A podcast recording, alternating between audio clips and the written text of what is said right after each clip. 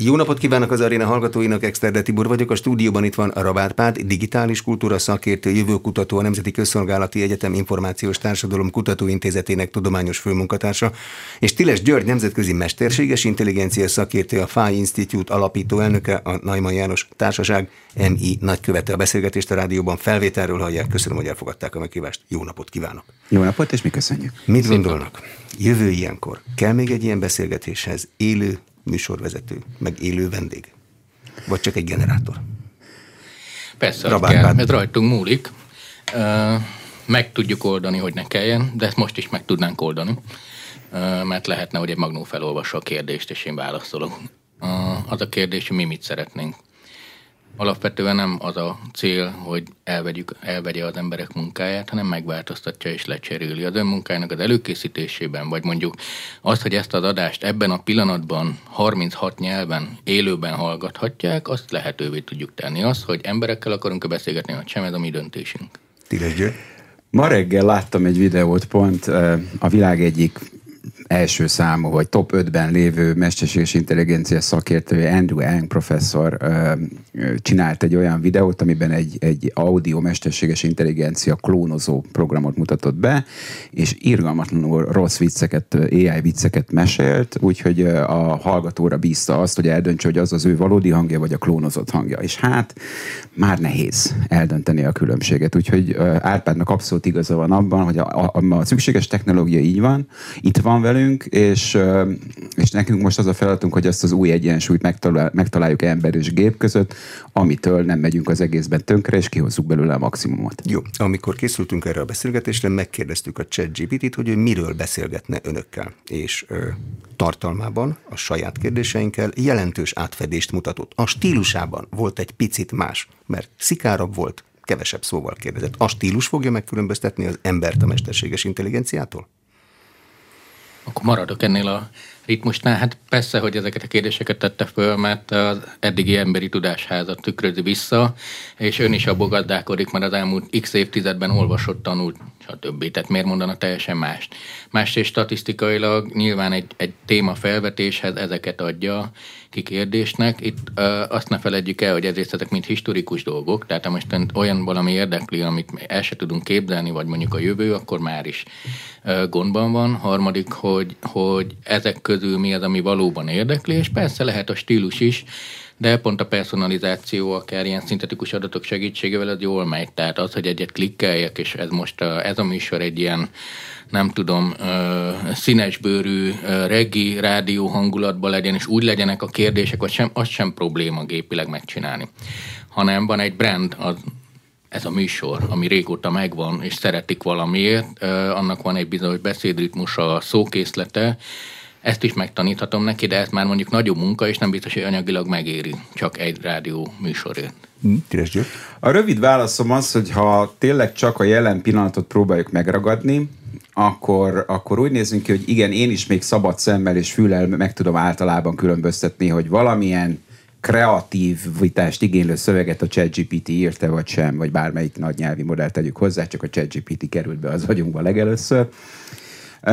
Hogy ez meddig fog így lenni, arról erőteljes kétségeim vannak. Tehát az, hogy mondjuk a kreativitás vagy a gondolkodás emberrel egyenértékű szintjeit mikor fogja a mesterséges intelligencia elérni, erről hatalmas szakmai viták vannak, és ugye sokan dolgoznak ezen a problémán a világvezető matematikusai közül de, de valóban minden olyan technológia jelen pillanatban helyre rendelkezésünkre áll, amivel már customizable, tehát ha úgy tetszik, különböző stílusokat tud felvenni a mesterséges intelligencia, a generatív mesterséges intelligencia, amire, hogyha ráhúzunk egy ilyen audio plugint, akkor valóban a világ összes nyelvén tudja az önhangján közölni. Tehát a jelen pillanatban nekem 5 másodpercre van szükségem, hogy az önhangját felvegyem, és abból egy olyan klónt legyek képes csinálni, ami ha kell, akkor panjábiul mondja el ugyanezt a műsort az ön hangján, és az ön szókészletével. Tehát a kreativitás határait ostromoljuk, most ez fontos hangsúlyozni. De ezekben a sok műhelyekben azon dolgoznak, hogy elérje az emberi intelligencia határát, vagy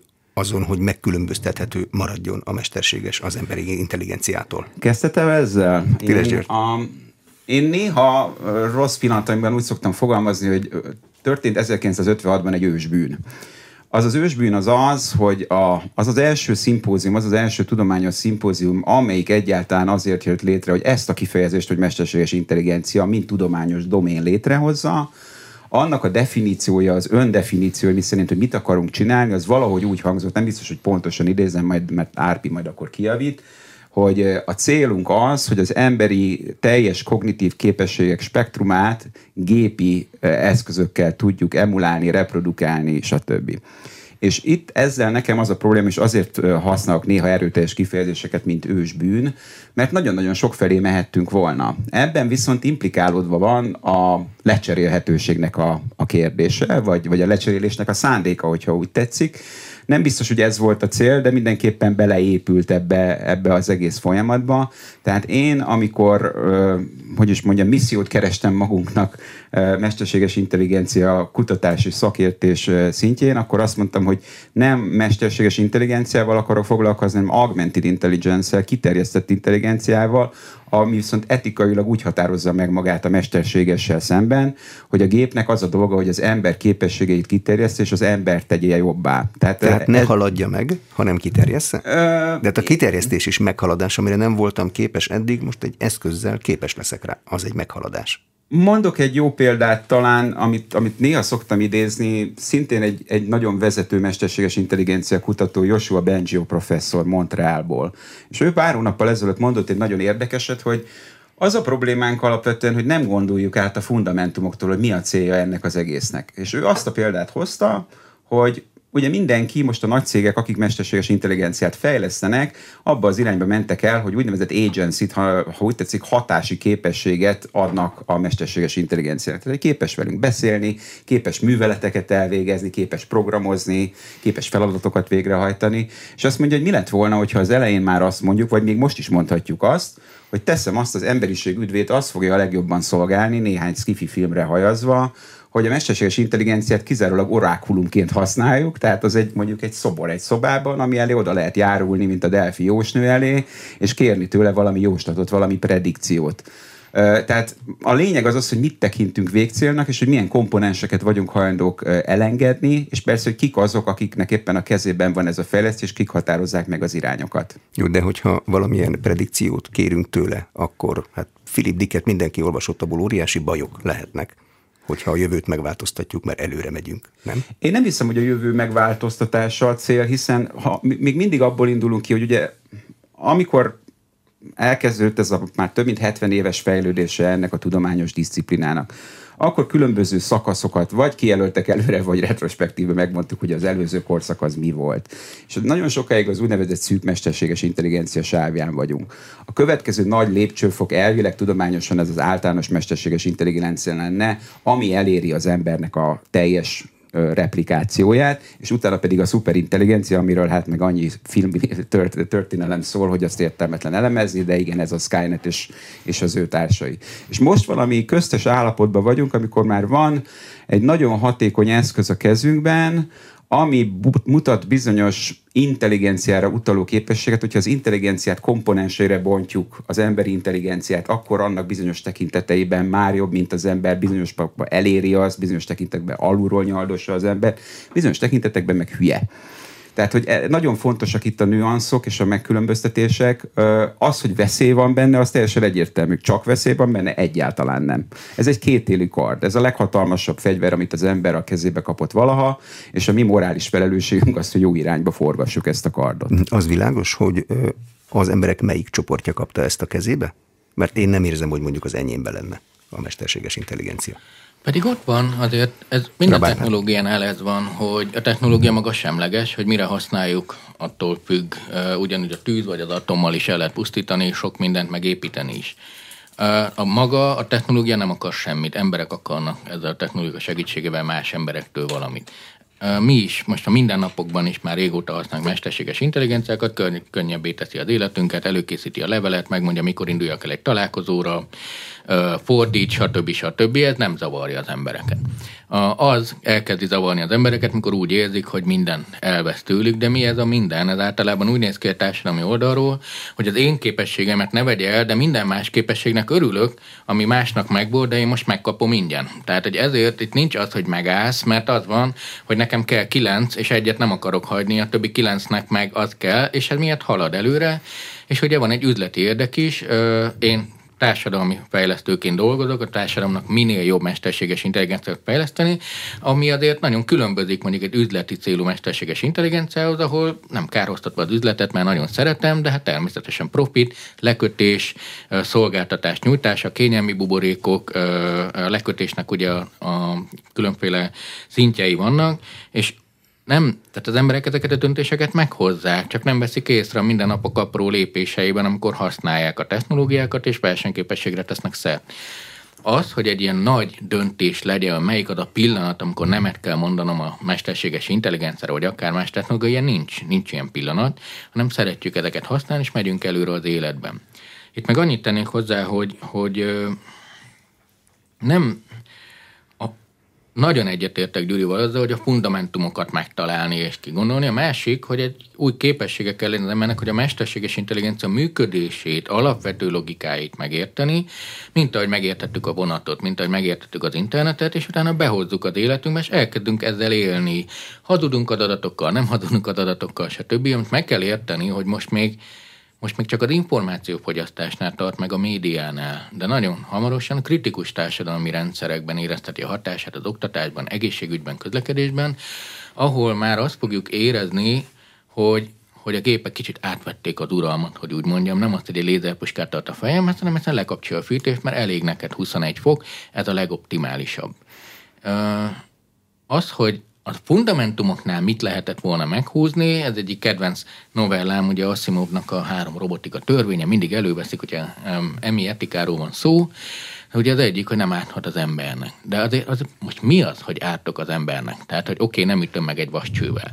De az is ártás lehet, hogyha úgy akarom felfogni, hogy annyira egy gondolkodási ö, ö, munkát elvégzek helyette, hogy lecsonkítom, az egyik kedvenc novella az, hogy van egy, ugye van egy novella sorozat, és az egyik robot, ő gondolatolvasó is nem akar áttenni az emberek, ezért ezt hazudni nekik. Tehát, hogy igen, elő akarnak léptetni, igen, szép vagy, de amikor a hazugságok szembesülnek, tehát a másik hazugsága találkozik az emberek, akkor kiderül, és kiderül, hogy nagyobb kárt okozott. Ezt, ezért kell nekünk a társadalom fejével gondolkodni, mert az EMI, ő csak lefuttatja magát és a programot. Én emellett, az etika mellett az adatvagyonnak a slendriánságát, azt, hogy nem határozzuk meg a jövőbeni értékeinket, ami emberi feladat, szerintem itt most még meg lehet fogni. Az ősből megtörtént. De ha most az adatoknál megfogjuk, akkor az EMI sokkal inkább értékes lesz, mint káros. Jó, akkor kezdjük a KH-nál. A, az EMI-t mi egy termékként szoktuk látni, mert mondjuk ChatGPT-t használunk. Hogyan készül ez a termék? Ki készíti? Miből kotyvasztja össze? Megértésnél tartunk. Hogy működik? Hát ez nagyon sok grádicson ment keresztül, de gyakorlatilag azt kell, hogy mondjam, hogy a, az a forradalom, ami már 8-10 éve zajlik gyakorlatilag a, a hasznosságnak a forradalom a mesterséges intelligencia tekintetében, azt az idézte elő, hogy azok a komponensek, ami ennek a fejlesztéséhez kellett, azok, azok hogy is mondjam, kritikus tömegben állottak elő. Először is kellett neki borzasztó mennyiségű adat. Ezek a nagy nyelvi modellek, a ChatGPT, amit most nagyon megegyeztünk, az gyakorlatilag az internet teljes szöveges állományán lett betanítva, és amikor azt halljuk, hogy visszaszólt valakinek, vagy halálról fenyegette, vagy mit tudom én, micsoda, semmi más, mint sötét csetszobákban zajló beszélgetéseknek a visszaköhögése ebbe a világba. Tehát ez nagyon-nagyon lényeges, hogy neki szándéka nincsen, ahogy Árpi is mondta. Értelme nincsen, szándéka nincsen, vissza tud burgulázni dolgokat, amiket bele ö, ö, tápláltak. Amit szerintem a, a a, közni, a köznek meg kell értenie, az az, hogy ami korábban programozták a szószoros értelmében a, a szoftvereket, a mesterséges intelligencia annyiban paradigmaváltás, hogy itt tanításról van szó. Tehát ennek teljesen más a metodikája. Fogsz nagyon-nagyon sok adatot, az alapján betanítasz egy gépet, a mostani modern módszerek szerint embereket is bevonsz ebbe a tanítási folyamatba, tehát miután már megtörtént a, a gépi alapú, adatalapú betanítás, emberek kontrollálják azt, hogy vajon a válaszok jók-e, a, a, a válaszok károsak-e, a válaszok akkurátusok-e és megbízhatóak-e. Tehát a hadseregek állnak a nagy fejlesztő cégeknek a szolgálatában, szerződéses partnerek, AI eticisták és társaik, meg nagyon sok ember a fejlődő világban, aki ahogy tetszik adatipari segédmunkásként kezeli a kenyerét, magyarán labellál válaszokat, és jelzi azt, hogy ez jó válasz volt-e vagy sem. Na, tehát itt vagyunk, de viszont egy dolgot még szeretnék mondani az előző kérdésre, mert ez most jutott eszembe, és szerintem nagyon fontos, hogy a korszakváltás ott történt tavaly november óta a generatív AI mindenki számára történő felismerésénél, hogy korábban is voltak AI megoldások, amik körülvettek minket. Amikről a legkevésbé tudunk, azok mondjuk a kormányzati és hírszerzési fejlesztések, vagy katonai védelmi fejlesztések. Amikről meg sokkal többet tudunk, az az, hogy a social médiát, az elkereskedelmet, a bankolásunkat, a, az információfogyasztásunkat már 5-6 évvel ezelőtt teljes egészében mesterséges intelligencia alapú motorok vették át. Ezt elvileg tudjuk, hogyha digitálisan tájékozott polgárnak tartjuk magunkat, de mégis ebből, ha úgy tetszik, a, a szó gyomor szintjén, vagy az atavisztikus szintjén ebből félelmek jöttek, és azok jöttek, hogy ez valami olyan, ez a mesterséges intelligencia, amihez nekem nincsen közöm, ez történik velem, valaki húzogatja a szálakat a másik irányba, a Facebook vagy a többiek, és nekem ehhez nincsen közöm. És a generatív AI, tehát a tavaly novemberi dolog, robbanás, annak az egyik legfontosabb aspektusa az én szemszögemből, amit alapvetően nettó pozitívnak látok inkább, az az, hogy az ember visszakerült az alkotási folyamatnak valamely kulcs ö, szerepébe. Hiszen innentől fogva az várható el tőlünk, hogy mi promptoljuk úgymond a mesterséges intelligenciát, tehát mi mondjuk meg neki, hogy mit csináljon. Ez most egyre szofisztikáltabb és szofisztikáltabb lesz, nem sokára már promptingra se lesz szükség, ez az én személyes véleményem, tehát hogy nem kell megtanulnunk a mesterséges intelligencia nyelvét, mert természetes nyelvünkön leszünk képesek nagyon-nagyon akkurátus utasításokat adni. Tehát ezzel csak annyit akartam mondani, hogy azért lett ennyire népszerű a ChatGPT és társa, és ezért reagált ennyire jól rá a média, mert az ember felismerte azt, hogy neki ebben a folyamatban szerepe van, ő kezdeményezi, azt még nem ismerte föl szerintem eléggé, hogy ő is kontrollálja, ő is szupervizionálja, ő, ő legyen az, aki megmondja a mesterséges intelligenciának, hogy mit nem lehet, vagy felismeri a hibáit. Szerintem ez lesz a következő határ, amit mindenkinek meg kell tanulnia de ez egy lényegi, lényegi és szerintem alapvetően nettóban pozitív előrelépés. Bocsánat, hogy kontrollálja az ember, amikor olvassa a mesterséges intelligencia által generált tartalmat? Bennem legalábbis az első kérdés az, hogy biztos, hogy igaz? Tehát van bennem egy ilyen bizonytalanság. Ez egy nagyon jó hozzáállás, csak a legtöbben nem ilyenek, mint ön. Na jó, de ez nem kontroll, hogyha a legtöbben azt mondják, hogy az a tuti, akkor csak meg fel kell tanítani úgy, hogy nekem mondjuk hazudjon. Tud hazudni például? Hát sőt, úgy is hazudik, hogy nem akar hazudni, de ezt talán mondd el. Igen, hallucinálni is tud. Tehát, hallucinálni hogy, is? Hát így hívjuk, hogy hallucináció, amikor ő kicsit olyan, mint egy vizsgázó diák, tehát, hogy én azt mondom neki, hogy válaszolj a kérdésre, ő nem mondja, hogy nem tudom, hanem valamit generál egy választ. Tehát lehet nagyon sületlenség is, lehet teljes hadugság is, lehet részigasságok tömkelege, és ez, ez hallucináció, ami azért, amikor mondjuk most egészségügyi mesterséges intelligenciákat fejlesztünk, nem helyes hozzáállás. Kiegészítve a Gyuri, kicsit válaszolva arra is, hogy kifejlesztő és hol a kontroll, szerintem érdemes három részre szétszedni a mesterséges intelligenciák működését. Az egyik az adatok, ez az ő látása. Ez lehet egy autószenzor, lehet egy kamera, bármi. Az is egy kontroll, hogy milyen adatot adok meg, és mit nem. Hogyha úgy, most azért nagyon sok ember hazudik az adataival jelen pillanatban, az adott rendszereknek megfelelően. A legegyszerűbbet mondjam, a szép képemet rakom ki a Facebookra. Adatok. Ezeket az adatokat eddig gyűjtötte a világ, hívjuk internetnek, adatbázisoknak. Ezekből letették eddig. Van a középső része a számítások, ezek statisztikai modellek, matematikai modellek, amik most már eddig mondtuk, hogy mit csinálnak, de megtanultuk tanulni őt, és most már öntanuló rendszerekké váltak, ezeket matematikusok fejlesztették, és programozók, ebben nem nagyon tudunk belenyúlni. És van a végső, a harmadik, az ajánlások, amiket tesz, tehát ami kijön. Kanyarodj balra az autóval, olvasd el ezt a könyvet, nézd meg ezt a filmet. És az is egy kontroll, hogy azt mondom, hogy ez egy ajánlás, nem egy döntés, és a viselkedésemmel visszavalidálom, tehát azt mondom, hogy rendben, most azt mondtad, hogy még aludjak, de én sporttudatos vagyok, és mégis elmegyek sportolni, pedig azt mondtad, akkor én azzal megint újra tanítani kezdem a rendszert, és azt mondja, hogy ez az ember azt választotta, hogy inkább sportol. Tehát a kontroll az az, hogy elfogadom, hogy ő egy, hogy ő tippelget nagyon pontosan historikus adatokon, de a kontroll az, hogy eleve ajánlásnak tekintem, és nem döntésnek, ez az egyik kulcs. A másik az, hogy az adat vagyunk gazdálkodás, a személyes adat vagyunk gazdálkodás, vagy egyáltalán ismerni az emit, úgy kell hozzáállnunk, mint, mint akár most az autókhoz, tudjuk, hogy hát ez egy olasz autó néha megbízhatatlan, de sokkal szebb. Most közhelyeket mondtam, mert nem megbízhatatlan már az olasz autók. De így beszélni egy emiről, hogy igen, ez szintetikus adatokon, tehát nem is valódi adatokon, generált adatokon alapuló kínai mesterséges intelligencia azt mondta, hogy túrázzak. Egy európai reprezentatív adatbázison levő uh, angol nyelvű EMI meg ezt mondja, nem jobb vagy rosszabb, nem azért mondtam, hanem hogy meg kell így ismerni, mint egy eszközt, és akkor a döntésemet azt mondom, hogy mégis egy filmajánlót mondhat bárki, de mondjuk a 20 éves pénzügyi befektetéseimet mit? Tehát ez a kontroll az az, hogy ezt a három lépést megértjük, és, és utána elkezdünk erre oda-vissza hatást gyakorolni, illetve a kontroll meg az, hogy, hogy mi vagyunk az elsők, és nem a gép, és tudjak nemet mondani. És szerintem, amire Gyuri utal, az abszolút ez, hogy nem mondunk nemet. Mert nem egy nagy döntés ma, hogy kell-e emi, hanem csak ma valószínűleg én több mint 300-szor döntöttem az emi mellett apróságokban. A, Ráerősíthetek egy picit Csak arra? egy kérdés, mert te, hogy a tippelgetés megbízhatósága az fejleszthető a majdnem bizonyosságig, hogy mondjuk megmondja nekem a Brent típusú olaj árát nagy pontossággal jövő december 13-án a múltbeli adatokból? Persze, ha jól építem fel az adatbázist, és minden adatot oda teszek, mert ha csak az eddigi olajárfolyamokat nézem, akkor teljesen tévedhet, mert mondjuk nem nézte a klímaváltozást, vagy a háborús helyzetet. Pont az én jövőkutatási munkámnak ez a lényeg, hogy olyanokat rakok össze, ami nem ez egy. Ezt ne felejtsük el, hogy meg kell mindig kérdezni, hogy azt az adatot nézi, ami nekem értékes. És ha a jövő amit fejlesztem, akkor meg én döntöm el az értékeket, hogy mondjuk oktatási eminél hogyan akarom osztályozni tíz év múlva a gyerekeket. Ez az én oktatási vízióm, teljesen humán feladat. A tippelgetés nem kell érteni, ne lenne nagyon pontos abból, amit. Csak ne felejtsük el, hogy, hogy most kétféle módon is butítjuk az emit, az egyik szándékos. Az az, hogy épp, hogy összeszűkítem az adatbázis, ne a világ összes adatán mondja az én egészségügyemet, hanem csak a nem tudom, az orvostudomány hiteles szaklapjai alapján.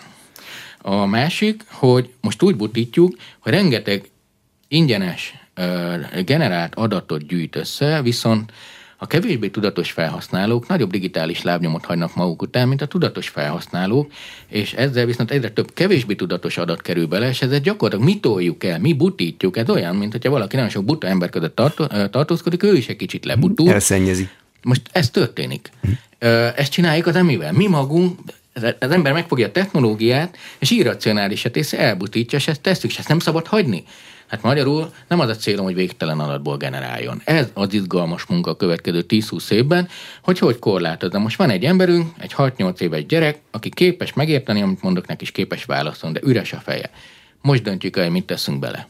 Tiles egy uh, csatlakozva Árpihoz két dolgot szeretnék mondani. Az egyik az az, hogy az egyik dolog, ami miatt most eléggé kongatják a vészharangot az EMI szakértők, az az, hogy az már viszonylag nyilvánvalónak tűnik, hogy a nyelvi modellek gyors adaptációja miatt a jövő évtől már úgy leszünk, hogy 50%-ban az az adat, ami keletkezett, az már EMI által generált adat. Ha úgy tetszik, a saját vizét issza vissza. És most ezzel mindenki mindenki ezen van egy kicsit furcsákodva, meg nem is kicsit, meg kakkod, hogy, hogy ebből adódóan, hogy a saját válaszait köpködi vissza újra és újra, és az új betanítási adatok már szintetikus adatok, romlik ezeknek a modelleknek a teljesítő képessége. Tehát ez most az egyik legnagyobb tudományos vagy matematikai probléma, hogy ennek, a, ennek az origóját megfejtsék.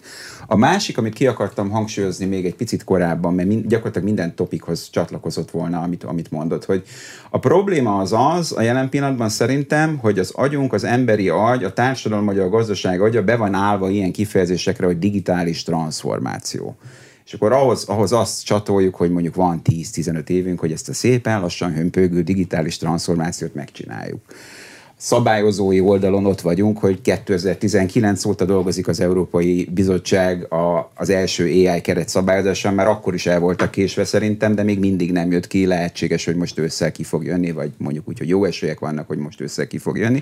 Tehát az a lényeg, hogy adott egy exponenciális technológiánk, amiket alapvetően üzleti szervezetek, a világ legnagyobb technológiai cégei fejlesztenek, nekik az a dolguk, hogy minél gyorsabban ez kimenjen a piacra és elkezdjen termelni ez, tehát van egy, van egy borzasztóan sebes dolog, maguk a bakugrások, amivel a technológia közlekedik, hogy két hetente, maximum két hetente van egy akkora átugrás technológiailag, ami, ami engem is őszintén szóval megriaszt. Van az üzleti szervezeteknek a hatékonysága, és már kiépült csatornái ahhoz, hogy az ön telefonján és az ön számítógépén a legtöbb szoftver, amit használ, az már vagy emi alapú, vagy két hónap múlva lesz az és akkor e, ehhez képest vannak ezek a csigalassúsággal közlekedő más faktorok, miszerint a szabályozási környezet lassúsága, adaptációs lassúsága, meg a társadalmi adaptációnak a lassúsága. Tehát én ettől, attól félek, amikor félek, hogy itt mindenki évtizedekben gondolkodik, hogy ej, hát ez volt az autóval is, tehát mindig ezeket halljuk meg, már, ez már megint csak egy ipari forradalom, amitől teljesen kiszoktam tudni akadni, hogy a forradalom szót ilyen kontextusban ne használják nekem, hogy már megint egy.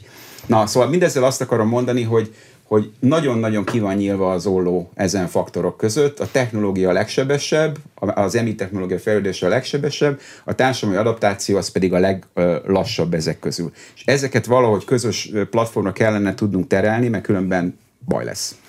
Az látszik, hogy a társadalmak hogy fognak ehhez alkalmazkodni. Mondjuk Szingapúrról azt mondják, hogy ott minden autó kamerája be van kötve a központi rendszerbe, még ráadásul önkéntesen ők gyorsabban fognak alkalmazkodni? Igen. Igen, itt a... Gyuri nagyon-nagyon fontos dolgot mondott itt a végén is, és az egyik az az, hogy hogy bútó csak erre reflektálva, hogy most egy, azt képzeljék el itt a generált adatoknál, hogy eddig mondjuk tanítottuk a festészetet, ő nem tud festeni, algoritmusokat ír. De eddig csak emberek által festett képeket mutattunk. De most az elmúlt két év során létrejött több milliárd olyan kép, amit a mesterséges intelligencia generált, ahol én direkt olyanokat kértem, hogy szápa támadása Balatonban, stb. Most ezzel is tele van az internet, és ő most ebből gazdálkodik, és én, hogyha azt kérem, hogy a Balatonról mutass nekem képeket, most már ezt is fel fogja mutatni. Erről beszéltem a butításnál. A nagyon-nagyon jó hangsúlyozta ki Gyuri a technológiai sebesség és a társadalmi adaptáció között szerintem nem azon múlik, hogy milyen eszközöket használ, hanem hogy fejben hogyan adaptálódik arra, hogy ennek mi a megoldó értéke. Az, hogy mindenben van kamerázva, megközelíthetem úgy, hogy totális megfigyelés, megközelíthetem úgy, hogy végre biztonságos a közlekedés. De itt azt kell látnunk, hogy egyrészt egy nagyon erőforrásigényes technológiáról van szó. A processzoridőt, a vízfogyasztást, a, az internet sávszélességet minden nagyon fogyaszt áramot. Tehát nem az lesz, hogy mindenhol végtelen számú emink van, hanem az, hogy el kell döntenünk, hogy hol használjuk. És itt jön be az, hogy oké, most itt a mesterséges intelligenciáról beszélünk, de van rengeteg más kihívás.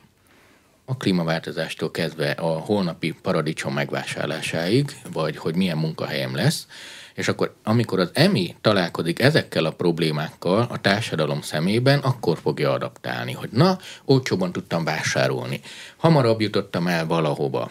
Most már Amerikának is tudok dolgozni, pedig nem tudok angolul.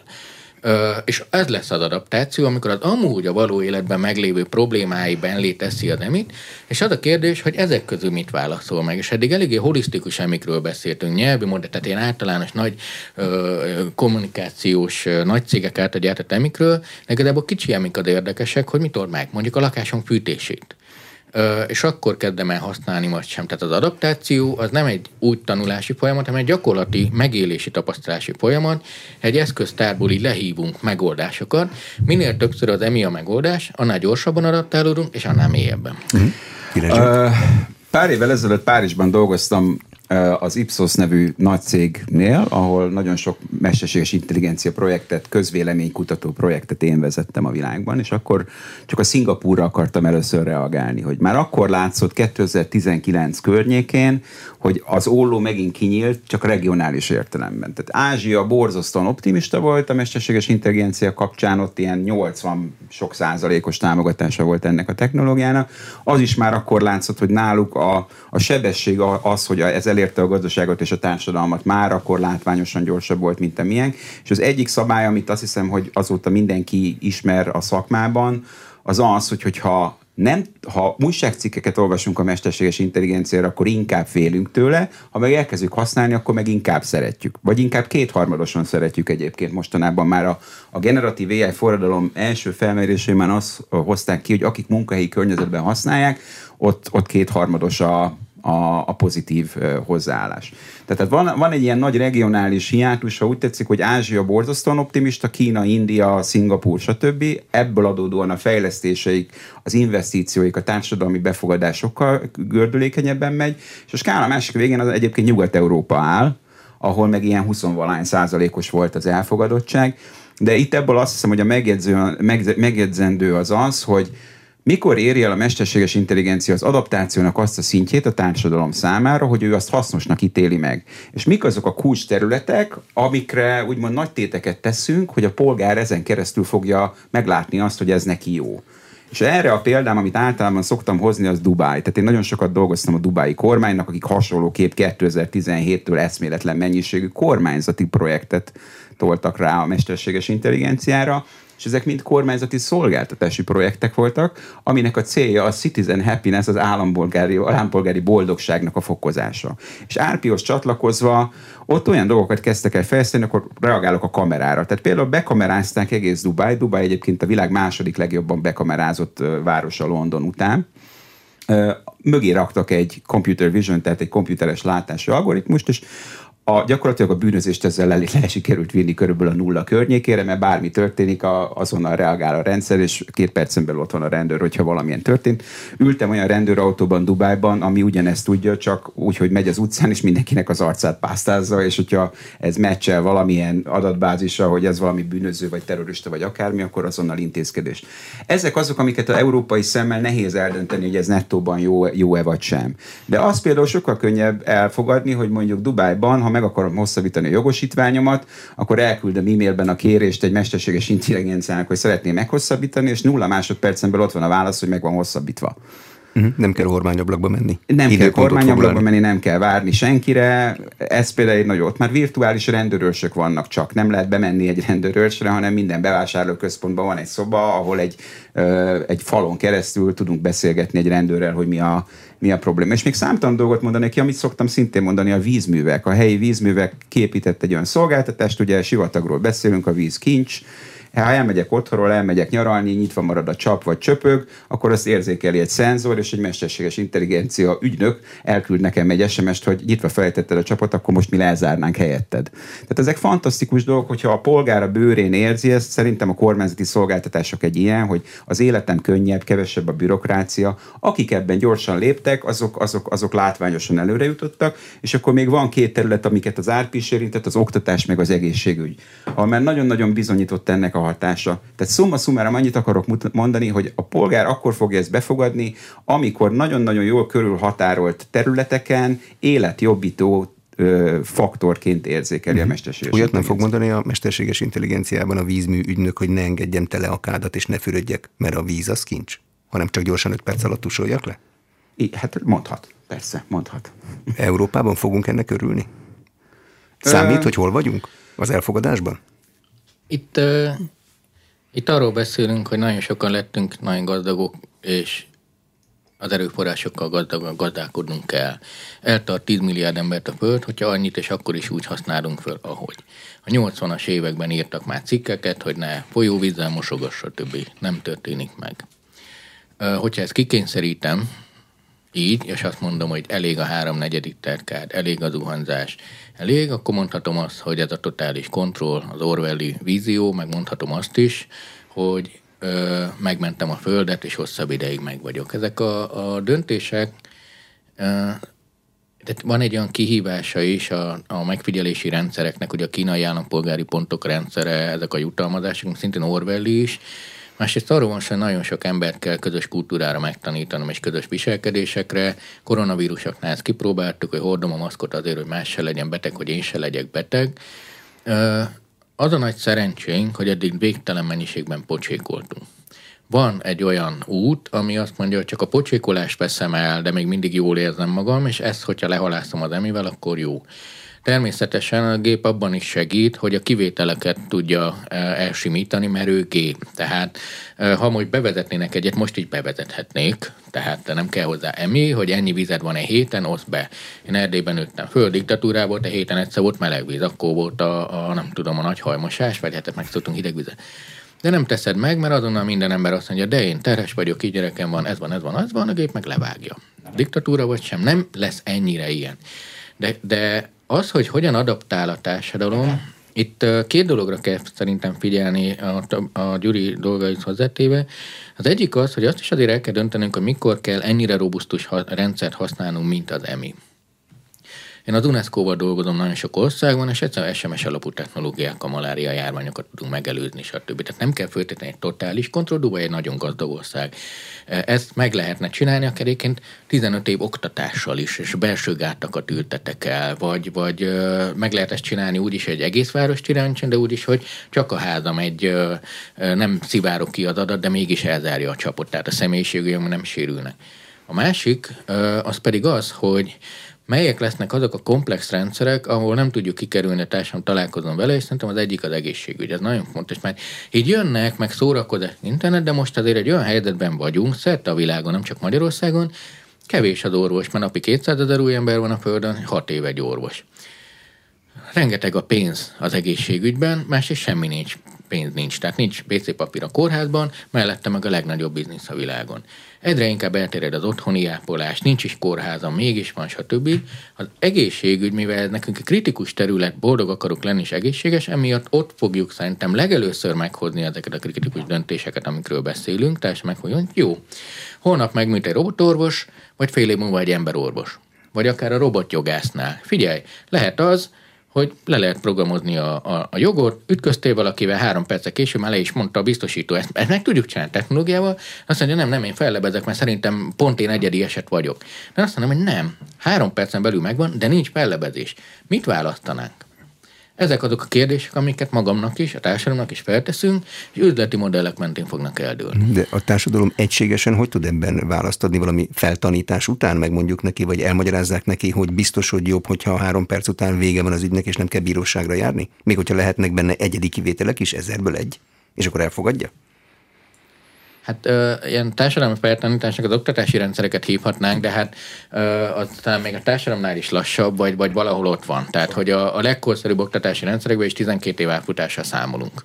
Egy új vízió, tanárokat ö, fel, jelentkeznek, kiképzem, elmennek az iskolába, stb. Tehát, hogy de az élet hozza. Tehát az, amikor, amikor például a mai tizenéves tini rap sztárok három év alatt futnak be egy olyan zenekari karriert, amit régen egy tíz év alatt futott be egy zenekar, és megtörtének egy Budapest parkot és 50 milliós nézettség, mert emivel tanult, azt használja, és nem is tudja, és nem is érdekli, akkor, akkor, akkor ő már mennyit tanul. Tehát magától az emberek megtanulják, látják, hogy mi az érdekük benne hanem szerintem nem az kell, hogy megtaníts, mert az emberek megtanulják, hanem az, hogy megmond, hogy neked miért jó és mikor jó. Én mindig versenyképességet akarok tanítani, nem fenyegetéseket. Tehát Annó itt Magyarországon is végtelen számú stratégia született, hogy megszeressék az internetet az emberek.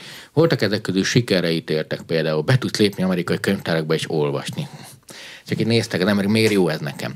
Akkor bejött, azt meg tudod nézni az osztálytársaidat, hogy mi van velük. Hú, ez már igen. akkor ráugrott a magyar. Más országban másért ugrottak rá ment, hogy hogyan tudnánk az adózást csinálni. Hát úgy, hogy eljött, hogy tényleg 10 perc alatt megvan, vagy jár 3% adókezbenmény. Akkor az, aki addig nem akart tanulni, érdekes mód leült, a világ legkevésbé felhasználóbarát felületén is végverekszi magát. Tehát az, hogy tanítani nem, érdekelté kell tenni, akár anyagi, akár motivációs téren, és az nem érdekelté tétel, hogy megijesztem. És azt mondom, hogy ha ezt te nem tudod, akkor elvesztetted a munkádat, akkor, akkor vége mindennek. Végtelenül egyetértek Árpival. Én is úgy látom, hogy itt az incentíva rendszereket kell nagyon jól kialakítani. A, a probléma az az, hogy a nagy megoldó képletünkben a jelen pillanatban az van jelen, hogy vannak a nagy technológiai platformok a maguk üzleti modelljeivel és érteke, érdekeivel, ahol most gyakorlatilag az ő egyetlen dolguk az, hogy a már kimunkált modellek terjedését semmi sem akadályozza a világban. És van a szabályozói, amit már mondtunk, hogy elkésett logika, ami tulajdonképpen még mindig csak azt tudja jól megmondani, hogy mit nem szabad. Ez, ez, a, ez a lényegi része ennek, ami nekünk ugye nem elég, mert a megoldó képletnek pont úgy kellene kinézni, hogy mi nekünk a jó AI társadalmilag, és hogy fogja az ember rájönni arra, hogy ez neki jó. És ehhez viszont a kormányzatoknak is egyébként sokkal inkább ezt a fajta incentiválást kellene jól elsátítani. Tehát például az ön példáját hozva nem tiltani, vagy azt mondja, hogy elfogyott a fürdővíz erre a hétre, hanem kisebb lesz a számlád akkor, hogyha használod ezt a szolgáltatást is. Így már szerintem ragyogóan lehetne haladni érdekelté kell tenni az embereket. Uh-huh. Művészetet fog csinálni a mesterséges intelligencia? Említette a Balatonban a cápát. Az lesz olyan, hogy én nekem utána egy katarzis élményem lesz, vagy az, az én ízlésemtől függ, ami olyan, amilyen? Miért ne lehetne? Ez eh, egyébként a, a vallás és a művészet volt már öt évvel ezelőtt eh, EMI konferenciákon nagyon sokat beszéltem, ők reagáltak leginkább. És ez egy alapkérdés, hogy most az ecset számít, vagy a festő. Én azért szerintem ez úgy tiszta, azért egy művészetnek van három állomása, ugye az alkotó, a csatorna és a befogadó. A befogadó szemszögéből azt, most Emi festette, vagy ember, hogyha bennem valamilyen hatás kivált katarzis bármit, akkor végül is mindegy. De persze lehetne morális. Az alkotó szemszögéből az történik, mivel ez egy képességjavító technológia, hogy aki eddig középszerű volt, az most felső kategóriásként tud viselkedni. Nyilván az eddig felső kategóriások, akiktől pont tőlük lopta el a tudást az emi, hogy a középszerűeket felső kategóriását tegye, ők veszteségként élik meg, de magát az alkotás folyamatát, mondjuk szeret festeni, azt nem veszi el, de a pénzét igen. Az, hogy gond-e, hogy ki festi, ez szerintem nem gond hanem tudni kell, és akkor majd én döntök, hogy nekem lemezen jó meghallgatni valamit, vagy streamingen, vagy a, a kézműves termék a jó, vagy a gyári. Ezek olyan döntésem, mindegyik lesz, és a piac majd választ. De mi lesz a műtárgypiacon? Hát egy ugyanolyat fog tudni csinálni nekem, mint egy minkori vázát 3D nyomtatással. Hát igen. Ember legyen a talpán, aki megmondja, össze fog omlani minden? Nem, egyáltalán nem. A mű, mű, műtárgypiac az sose arról szólt, hogy konkrétan az a tárgy mennyit ér, hanem arról, hogy melyik hálózatban fut, meg mi mekkora értéket tulajdonítunk neki, vagy az, hogy ki birtokolja, és ki nem. Hogyha egy példány van belőle, egy bizonyítottan az enyém, és a hálózat felértékelte, akkor sokat ér semmi máson nem múlik. A digitális objektumoknál azért nehezebb, itt ezek a NFT, NFT meg izék, ezek hál' Istennek már kikoptak a, a dolgokból. A, nem, pont azt nem, sőt, minél exkluzívabb valami fölviheti, mert, mert itt, itt nagyon különböző piacokról van szó, azért egy átlagember nem a műtárgy piacon nyomul, nem is csak a pénzösszeg miatt, nem is ismeri. Tehát ahhoz te kell tudnom a kódot, hogy annyira fontos legyen, lehet, hogy a másikon nagyon drága öltöny van, de én nem is az öltönyöket, ezért nem tudom, hogy a drága öltöny, csak azt látom, hogy öltöny. Ettől még tudok uh, hozzáállni. Nem, szerintem nem ezeket borítja föl, szerintem amiket fölborít, az pont ez, hogy, hogy az ipari társadalomnak, az előző hullámnak voltak logikái, amik mentén értékeket fogalmaztunk meg. Például én nem vagyok kreatív, de monotónia tűrő vagyok. 12 órán keresztül úgy tudok számlákat összevetni, hogy nem hibázok. A világ legjobb könyvelője. De ez a monotónia tűrést elvette a gép. Eddig el tudtam lenni középszerűen egy munkahelyen, nem vagyok jó, nem vagyok rossz, többé-kevésbé dolgozom. Ezt elvette a gép, mert ő pont ilyen. A gép nagyon jó hozza a 80 ot és akkor most mindenki rá van kényszerítve arra, hogy a felső 20%-ba tartoznak, de ez nem lehet, mert nem tartozhat mindenki oda, és itt vannak a pánikok. És ezért inkább azt kell megnézni, hogy mibe vagyok a felső 20%. És hogyha ebben kezdek el gondolkodni, akkor segítővé válik megbolygatja a piacokat, de, de nem az erőforrások értéke minél ritkábban, inkább még megnövekszik. Tehát azért fejlesztjük ezeket a rendszereket, hogy legyen elegendő vízünk, csak itt van egy ilyen hajsza, veréphajsza, hogy ezek a cégek nagyon sokat befektetnek, és azért is pörgetik, hogy jöjjön vissza a pénz, de már egymást is pörgetik, mert hogy még okosabb kell legyen, tehát reméljük, hogy majd utolérjük magukat, de a végső ponton akkor is a föld lesz itt, és a föld erőforrás, egy távolság, a benzin, a levegő, víz, és azok közül mit oszt be, tehát ezek lesznek még értékesebbek, még a műtárgyaknál is. Meg lehet mondani a mesterséges intelligenciának, hogy az emberiség nagy problémáival foglalkozzon, mert az amerikai cégek, mint hogyha vagy nyolc alapelvükben benne volna az, hogy ezzel foglalkozni kell, és ezt vállalták önkéntesen. Hát az már pár éve világos, hogy persze kérdés az, hogy mit definiálunk az emberiség nagy céljainak. Hát klímaváltozása, de... vízhiánya, ja, szárazsága, Ugye van az ENSZ-nek... pusztulása, tehát igen. órákon keresztül mondhatnám. Az ENSZ-nek vannak ezek a social developmental goals, tehát a társadalmi fejlesztési célkitűzései, és az már szintén négy-öt évvel ezelőtt kimutatható volt, azt hiszem a McKinsey mutatta ki, hogy 80%-os átfedés van az akkori EMI technológiák és ezen célok között. A problémám nekem az van, hogy látok csodálatos kis projekteket ebből a világból, meg a nagy cégek egyébként valóban támogatnak ilyeneket, ezt úgy hívják, hogy AI for Good, ezt a mozgalmat, tehát a mesterséges intelligencia közjóért, és a Google, a Microsoft, az összes nagyoknak vannak erre dedikált laborjaik, akik ilyen non-profit és, és társadalmi célokat segítő eszközöket hoznak létre. A probléma az, hogy ezek nincsenek skálázva az üzleti megoldások vannak skálázva, ezek meg olyanok, amiket kiteszünk a dicsőség falra, hogy na hát ezen is dolgoztunk. Ez a legnagyobb probléma. Ha már a klímaváltozást hozta szóba, ez nekem is egy veszőparipám, ugye az RP elmondta azt, hogy maga a mesterséges intelligencia technológia hogy ad hozzá a mostani klíma problémához, az energia zabálás miatt, meg a vízhasználás és a többi miatt. Egyébként én ebben egy kicsit optimistább vagyok most, mert mindenki már nagyon erősen dolgozik ezeknek a modelleknek a miniaturizálásán, hogy ez mennyi idő múlva megy át a mainstream, mert eddig ez volt a probléma, hogy mindenki nagyot akar csinálni, mindenki, na még nagyobb modellt álmodunk meg, és így versenyeztek. És most azért ez, ez látszik megfordulni, de addig is a mostani energiazabáló szörnyekből ki fogják sajtolni az utolsó centet is, úgy gondolom, a nagyváltok miatt ez megváltozik. Na szóval amit a legelején mondtam, hogy ez egy kétélű kard, az szerintem a klímaváltozás tekintetében egy csodálatosan jó példa, mert meg tudjuk mutatni szignifikánsan listázó azt, hogy hogyan súlyosbítja a klímát, a másik oldalon meg hozzá tudjuk tenni azt, hogy csodálatos megoldási lehetőségek vannak abba, hogy más nem mondjak, mondjuk a Google maga, azt hiszem most már ott tartanak, hogy 40%-kal csökkentette a szerverparkjaikon az energiafogyasztását azáltal, hogy mesterséges intelligenciát használ arra, hogy, hogy gyakorlatilag az energiafogyasztás szabályozza ilyen mikroszinteken is, és ezzel optimalizálja. Tehát akkor járunk jól, hogyha a mesterséges intelligenciára valamiféle optimalizációs motor, motorként tekintünk, és a klímaváltozásban rengeteg ilyen lehetőség van. A probléma az, hogy az akarat és a, a, a, a támogatás, a pénzügyi eszközök ahhoz, hogy ez, ezek gigantikus programok álljanak össze, az még nincs meg. Nekem ez a személyes problémám vele. Robert. Egyetértek ezzel, sőt, és azzal is, hogy egyre okosabban csinálják már őket, és ennek én nagyon örülök. Más is. Nem, nem a, a kérdésekkel van a gond, tehát amúgy tudjuk, mit kell tenni. A gond az az, hogy összeértünk, tehát zárt a rendszer, és a bolygó már hat, mindenki hat mindenkire, emiatt borzasztóan összetetté válik, viszont mégis a különböző régióknak teljesen más kihívásaik vannak. Tehát a fejlődő országokban azon dolgozok, hogy legyen több autójuk, itt meg azon dolgozok, hogy kevesebb legyen. Van, ahol a víz kevés, van, ahol meg sok. Van, ahol, uh, itt, hanem a, emivel nem, tehát a válaszokat tudjuk, sőt, igazából bármelyik régióban jól le tudjuk írni, két dolgot tudunk kezelni. Egy, olyan holisztikus megoldásokat, amit tudjuk, hogy nem tudok más tenni, már most olyan rendszer kell itt használnom, hogy ott a Google kevesebb energiát fogyasszon. Intelligens megoldásokra van szükségünk, hogy tudok egyszerre több legyet lecsapni. Igen, nagy hőt termel a szerver, viszont tudok fűteni egy falut.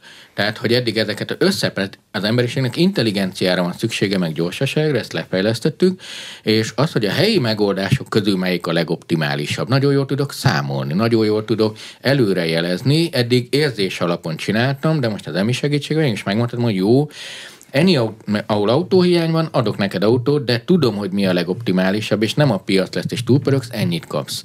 És akkor jobb lesz. És egy idő múlva ezek elkezdenek majd nagyon látszani. A másik meg a háttérben húzódó folyamatok, hogy az amúgy a klímaváltozás elleni harcot segítő emberi cselekvéseket hatékonyát tegyen. Tehát, hogy most beszélhetek arról, hogy most nem akarok a budapesti autós közlekedés nagy vit csatájában igazságot tenni, de mondjuk azt, hogy az autó megosztó szolgáltatások biztos, hogy jók. Eleve üzleti modellként is, mert nem kell autó, csak néha.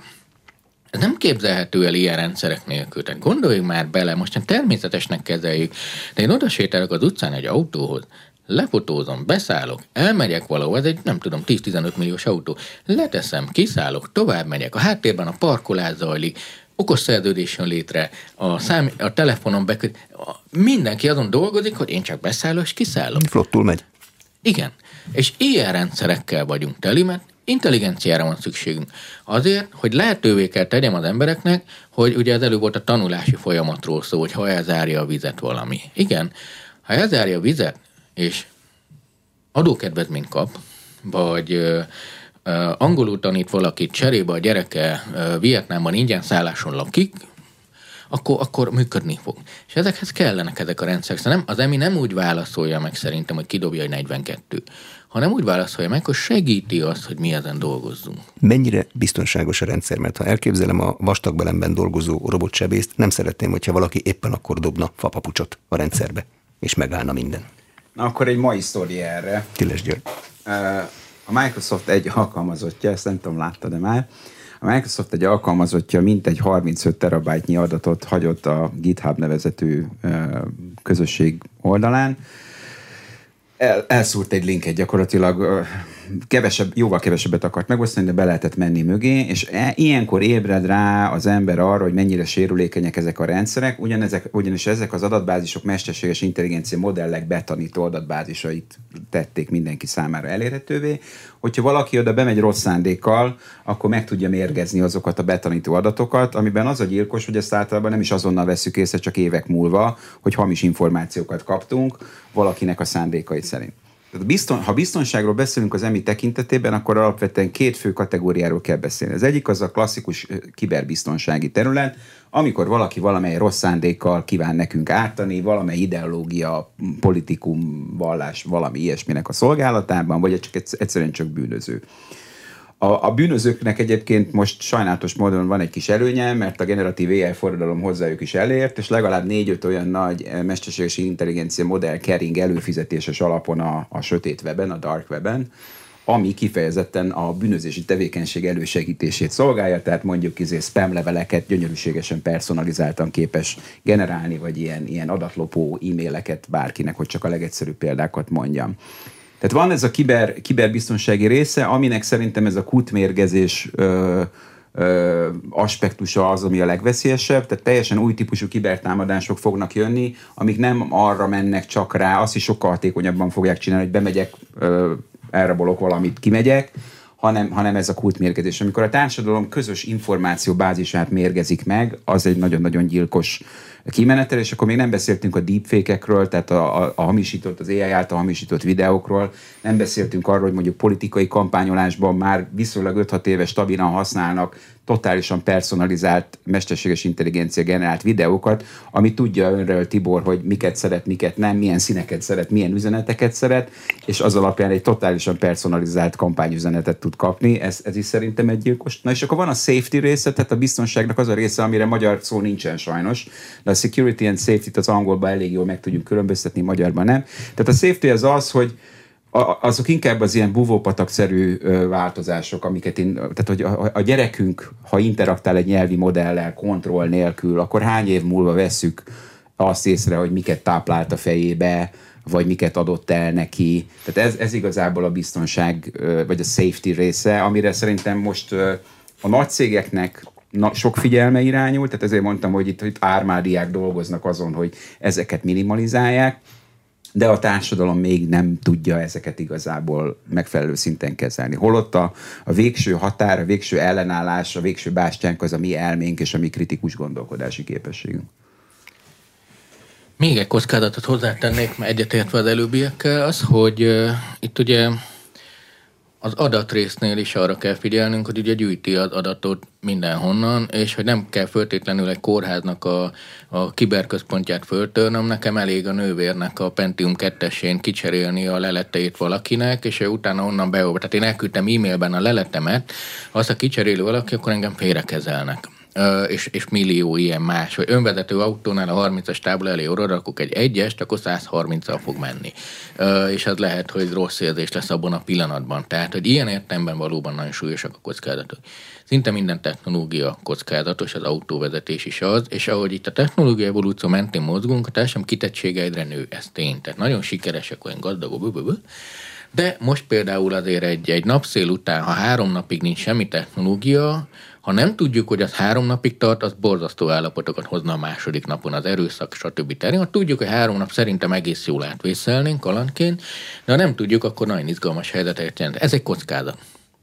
De az történik, hogy mindig jönnek a kihívások, azokra az emberiség felkészül, megy előre, van egy csomó társadalmi változás is. Emberi történelmen először most már nagyobb vagyon a nőknél, mint a férfiaknál. Tehát nem csak a technológia, együttműködésre készülünk, és emiatt egyre kiszolgáltatottabbak vagyunk. Én biztos, hogy millió ilyen incidens lesz, azt kell nagyon jól megértenünk, hogy, hogy nem csak a központi, a kór, a magot kell védeni, hanem a perifériákat is. Én ma tudok egy kórház lenni. Egy emi segítségével olyan ökös eszközök vannak otthon, hogy otthon ápolom. De az feltörhető. Az okostelefonján viszi az adatait, jó néhány okostelefon, hát az egy átjáróház. Ezt nem fogom tudni kivédeni, hanem adattudatosságra tudok tanítani embereket, és az, hogy rendben, az élet ilyen, de van az a két-három dolog, amiben ne hibász.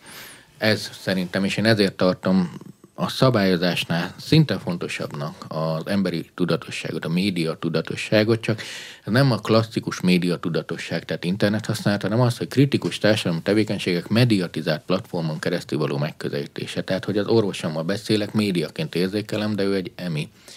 De ezt nem fogjuk tudni kikerülni. Rengeteg a kockázat. Köszönöm szépen. Az elmúlt egy órában Rabárpánt digitális kultúra szakértő, jövőkutató, az NK Információs Társadalom Kutatóintézetének tudományos főmunkatársa és Tires György nemzetközi mesterséges intelligencia szakértő, a FAI Institute alapító elnöke, a Neumann Társaság emi nagykövete volt az aréna vendége a műsor elkészítésében. Módos Márton főszerkesztő vett részt. Köszönöm a figyelmet, Exterde Tibor vagyok.